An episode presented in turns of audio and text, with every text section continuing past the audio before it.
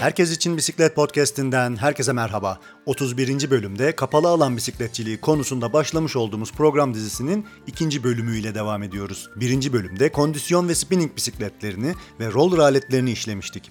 O programı dinlemeden bu bölüme geldiyseniz şimdi lütfen bu yayını durdurun ve birinci bölümden başlayarak sonrasında bu kaydı dinleyin. Hala buradaysanız hadi devam edelim. Bu bölümde bisiklete binerken ürettiğimiz hız, kadans, watt, eğim ve kalp ritmi verilerini inceleyeceğiz. İlerleyen bölümlerde tüm bu verilerin trainer cihazlarında nasıl işlendiğine yer vereceğiz. Herkes için bisiklet başlıyor.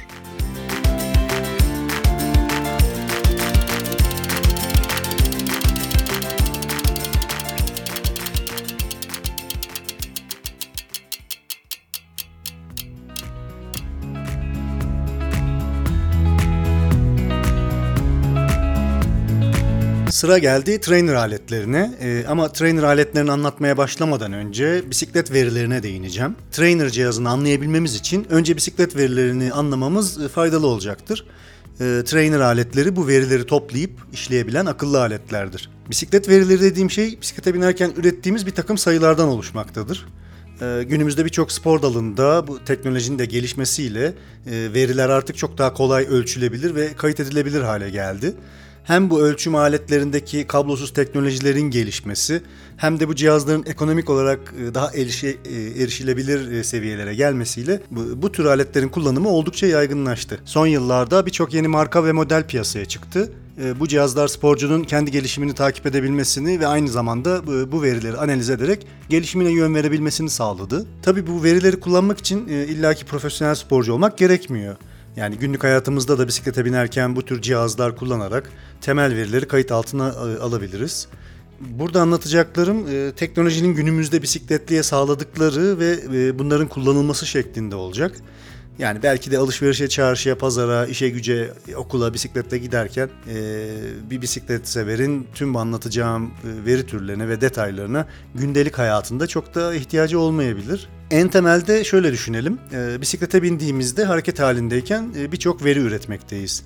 E, bu verilerin neler olduğunu ve nasıl ölçümlendiğini çok teknik detaya girmeden kısa kısa anlatmaya çalışacağım. E, biz bisiklete binerken ürettiğimiz bu verileri e, alıcı ve verici cihazlar kullanarak kayıt edilmesini sağlayabiliyoruz. E, kablolu veya çoğunlukla kablosuz olarak çalışabilen, genellikle yol bilgisayarı diye adlandırdığımız bu cihazlarla e, binişimize ait tüm verileri gerçek zamanlı olarak kaydedebilmekte ve sonrasında işte çeşitli programlar aracılığıyla bilgisayarlara veya cep telefonu gibi yine akıllı cihazlara aktarabilmekteyiz. Örneğin en basitinden bisikletle hareket ettiğimizde hız yapıyoruz. Ee, bu da diğer araçlarda olduğu gibi kilometre bölü saat olarak ölçülmekte. Hız verisini e, hareket halindeki toplam zamanı oranladığımızda ortalama hız olarak değerlendiriyoruz bunu. İşte ne bileyim yokuş aşağı 50 ile indim, e, antrenmanı 32 ortalama ile tamamladım gibi verileri telaffuz ediyoruz. Hız verisini ölçmenin e, birkaç yolu var. E, eski tip mıknatıslı hız ölçerlerle bunu yapabiliriz. Ön maşaya bağlayacağımız bir alıcı verici ve jant tellerine takacağımız bir vidalı mıknatıs ile bisikletimizle kaç kilometre hız yaptığımızı ölçebilir.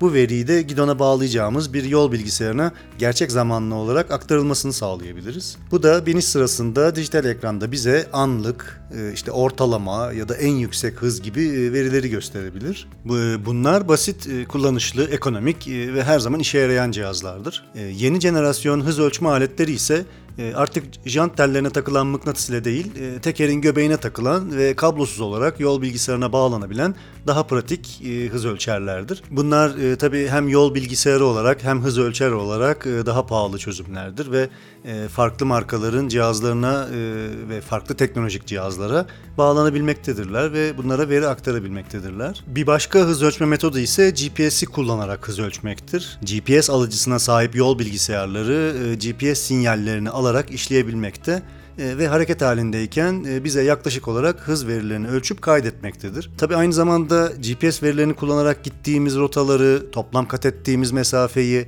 bulunduğumuz yüksekliği de e, bunun gibi bilgileri de kaydetmektedir. Ve hatta bu GPS verisiyle beraber cihaz üzerine yüklü haritaları da kullanarak e, bir navigasyon aleti şeklinde çalışabilmektedir. E, bize gideceğimiz rotaları gösterebilmekte, işte bize yönlendirmeler yaparak e, gideceğimiz yere belli bir sapma payı ile ulaşmamızı sağlamaktadır. Aslında bu cep telefonlarında kullandığımız navigasyon hizmetiyle aynıdır diyebiliriz. İlk verimiz hız, ortalama hız ve kat edilen mesafeydi. Bu verileri size tek tek aktaracağım çünkü podcast'imizin ilerleyen zamanlarında bu değerleri roller veya trainer cihazı ile kullanırken nasıl kayıt altına alacağımızdan bahsedeceğim bahsedeceğim. Ve özellikle e, akıllı trainer cihazları konusuna geldiğimizde bu verilerin ne kadar önemli olduğunu daha iyi anlayacağız. E, bir sonraki verimize gelelim. E, bir sonraki verimiz kadans. Kadans ne demek? E, şöyle özetleyebilirim. E, bisikleti hareket ettirmek için e, pedallamaya başladığımızda pedalı dakikada kaç kere çevirdiğimizin sayısıdır, verisidir. E, örneğin pedalı bir dakika boyunca 82 tur çevirmişsek kadansımız 82'dir. Tabi bunu ortalama olarak düşünmek lazım. Yani e, bir saat boyunca bisiklete biniyorsak yavaş çevirdiğimiz e, ve hızlı çevirdiğimiz zamanlar olacaktır. E, belki yokuş aşağı hiç çevirmeyeceğiz. Belki düz yolda sürekli çevireceğiz. İşte bu bindiğimiz süre boyunca çevirdiğimiz ortalama kadans verisi önemlidir. Kadansın yüksek olması demek yani pedalı hızlı çevirmek anlamına gelmektedir. Kadansın düşük olması demek pedalı daha ağır çevirdiğimizi gösterir e, yüksek kadansın yani hızlı çevirerek binmenin birçok açıdan daha iyi olduğu söylenmekte. Ancak bu noktada e, kadansın performansa ve gelişime etkisi konusuna değinmeyeceğim. E, aslında bu e, başka bir programın konusu e, ve burada derine inmeyeceğim bu konuda. E, peki kadans nasıl ölçülür? E, kadans e, en teknolojik haliyle e, kablosuz bir kadans ölçerle ölçülür. E, kadans ölçeri e, bisikletimizin ayna koluna e, yani önde bulunan büyük dişlinin diğer tarafındaki krank koluna takarız. E, ve bu sensör e, kolun her bir turunu ölçerek, her bir turunun dönmesini ölçerek bize kadans verisini sağlar. E, kadansı basit olarak anlatmaya çalıştım. Ancak dediğim gibi e, kadans e, bir başka programda üzerinde konuşulması gereken e, bisikletçinin performansını ve gelişimini yakından ilgilendiren önemli bir konu. E, umarım gelecekte e, kadans konusunda bir podcast yaparız. Bir podcast bölümü yaparız. Bir sonraki verimiz ise watt. E, watt aslında basit olarak pedala uyguladığımız güç demektir. Bisiklete binerken pedala ne kadar güç uyguladığımızı bilebilmemiz için bir adet pedal tipi, kol tipi veya göbek tipi watt ölçer yani power metre denen cihaz kullanmamız gerekir. Powermetre pahalı bir alettir ee, ve eskiden sadece profesyonel sporcular ve takımların kullanabildiği bir cihazken son yıllarda fiyatlarının düşmesiyle birçok amatör ve yarı amatör sporcu da artık e, edinebilmekte ve kullanmaktadır. Powermetre pahalı bir teknoloji olmasından dolayı e, genelde bir pedal veya pedal kolu olarak takılır. E, burada şunu da not olarak ekleyeyim. E, pedal tipi powermetreler çift olarak satılır ve bunlardan biri güç ölçebilen cihazdır. Yani diğeri normal bir pedaldır. E, güç ölçen pedal kullanmak istiyorsak e, bisikletimizdeki mevcut pedallarımızı değiştirmemiz gerekir.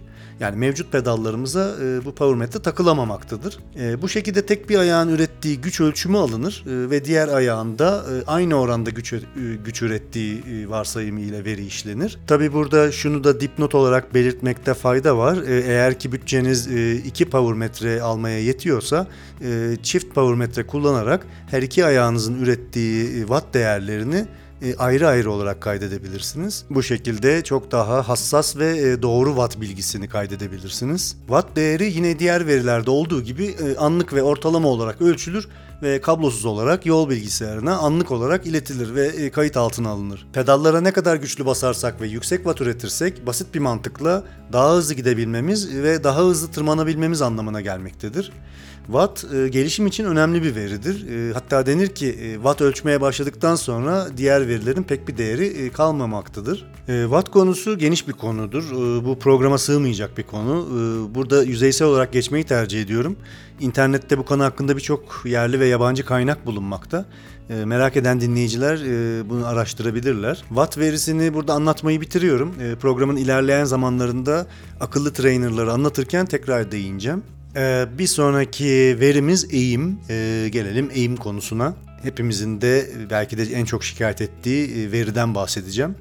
Şimdi bir yokuşa geldiğimizde e, o yokuşun ne kadar eğimli olduğu ve kaç derece eğimli olduğu yüzde ile ifade edilmekte, yüzde işaretiyle ifade edilmektedir. Bu İngilizce'de grade veya slope olarak adlandırılmakta. Eğim konusu biz bisiklet severleri yakından ilgilendiren bir konu. Ee, özellikle bir yokuşa geldiğimizde ve tırmanmaya başladığımızda yokuşun hem eğim derecesi hem uzunluğu bizim için önemli hale gelmektedir. Bisikletimizde bir yokuşa geldiğimizde yol bilgisayarıyla anlık olarak kaç derecelik bir eğimi tırmandığımızı e, görebilmekteyiz. E, bunun yanı sıra ne kadar yokuş tırmandığımızı da işte GPS yardımıyla ölçebilmekteyiz. Bu tırmandığımız bu e, veriyi ise bize elevation değeri olarak göstermektedir bu cihazlar. Tabi bu veriyi sadece tırmanış olarak düşünmeyelim. Çünkü yol bilgisayarları inişleri de hesaplayabilmekte ve kaydedebilmektedir. Eğimin hayatımızda şöyle bir önemi daha var. Bisikletle tırmanmak kişinin kondisyonun gelişmesine büyük katkı sağlıyor. E, bu ilk başlarda tabii bize eziyet olarak gelen tırmanışlar e, bir süre sonra zevk alınacak bir hale geliyor ve e, bisiklet severin gelişiminin bir parçası olabiliyor. E, yokuş tırmanma aslında bir kısır döngü. E, yani kimse bir anda tırmanışçı olamıyor nihayetinde ve e, tırmanış yapabilmek e, ve tırmanışları sevmek için tırmanmak gerekiyor. E, yokuşları tırmandıkça ve zorlandıkça e, bir sonraki yokuşu daha kolay tırmanabilir hale gelebiliyoruz. E, ve tırmanabilmek tırmandıkça gelişiyor. E, geliştikçe daha çok tırmanabilir hale geliyoruz. Ve artık yokuş tırmanmayı bir problem olarak görmemeye başlıyoruz. Sonraları işte yokuş tırmanmak bir tutku haline dönüşebiliyor ve binişlerimiz sırasında karşılaştığımız yokuşlar ne kadar dik ve zorlayıcı olursa e, o denli zevk alır hale gelebiliyoruz. E, ve zamanla tırmanmak e, kişinin içinde başarmaya ve üstesinden gelmeye çalıştığı e, kendine bir meydan okuma e, şeklini alıyor da diyebilirim. Eğim verisine burada son veriyorum. E, eğim verisi dışarıda veya içeride yapılabilecek bisiklet binişleri için takip edilmesi, hesap edilmesi gereken önemli bir veri.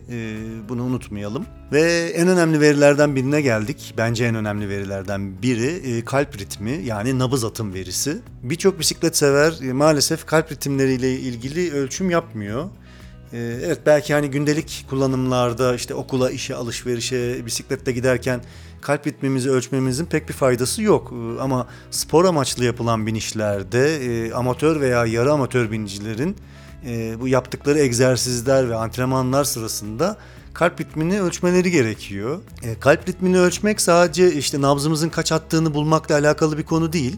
Burada sporcunun limitlerini bilmesi ve e, işte vücudunu ne kadar zorlayacağını bilmesiyle de ilgili bir konu. Bir aktivite yaparken kalbimizin dakikada kaç defa attığı önemli bir konudur. E, vücudumuz biraz zorlandığında kalp atışı hızlanmakta ve vücudumuza daha fazla kan pompalanmasını sağlamakta. E, aktivite ağırlaştıkça da kalp atım ritmi yükselmektedir. Tüm bu ritim inişlerini ve çıkışlarını daha iyi anlayabilmemiz için spor dünyası kalp ritim verilerini zon adı verilen dilimlere ayırmıştır. Nedir bu zon dilimleri?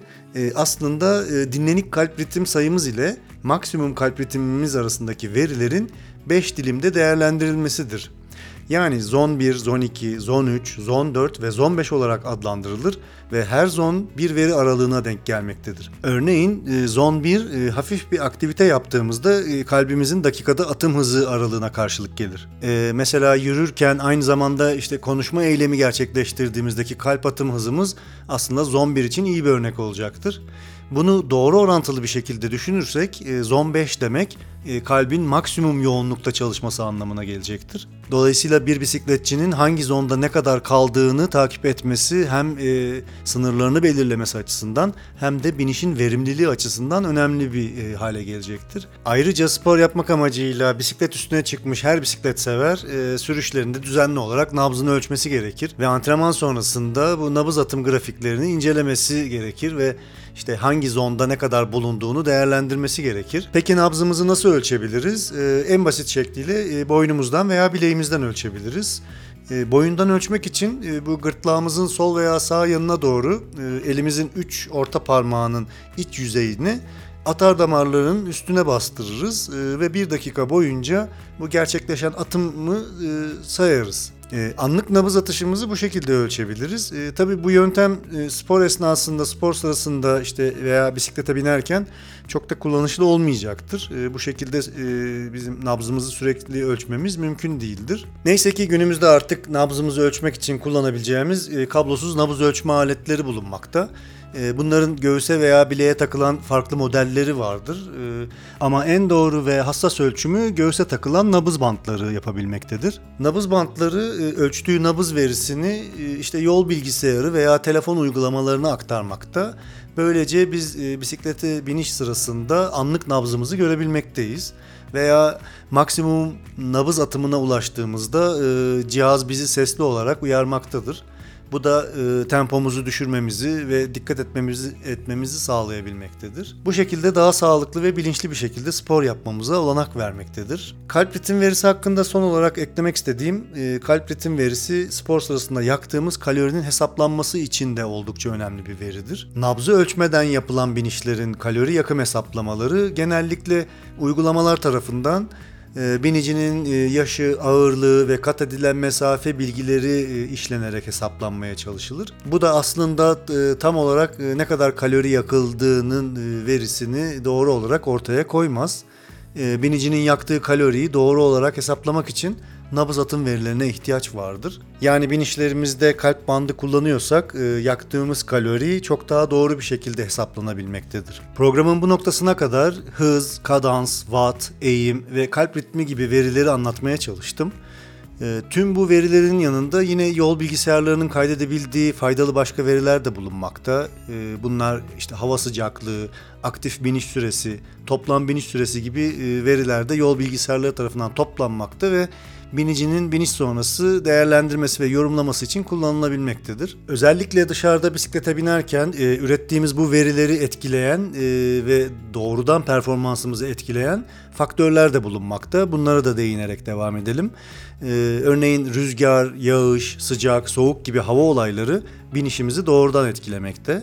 E, asfalt, toprak, arazi gibi yol koşulları, işte e, kullandığımız bisikletin ağırlığı, aerodinamikliği, kadro yapısı, e, daha sonra bisikletin tekerlerinin yapısı, tekerlek kalınlıkları, tekerleklerin o anki hava basıncı, kullandığımız jantların dönüş direnci, e, bisikletimizde kilitli pedal kullanıp kullanmadığımız, ve e, yaşımız, kilomuz, spor geçmişimiz ve performans durumumuz. E, bunun gibi belki de saymayı unuttuğum birçok değişken e, dışarıda bisiklete binerken bizi etkilemektedir. Bu noktada sanırım artık trainer cihazlarını konuşmaya başlayabiliriz.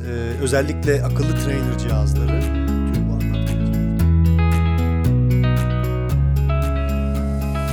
İkinci bölümün sonuna geldik. Gelecek bölümde trainer cihazlarını, çalışma şekillerini, verilerin işlenmesi ve aktarım protokollerini ve trainerla beraber kullanılan yazılımları ele alacağız. Bir sonraki bölümde görüşmek ümidiyle. Bisikletle ve sevgiyle kalın. Tekrar görüşünceye dek hoşça kalın.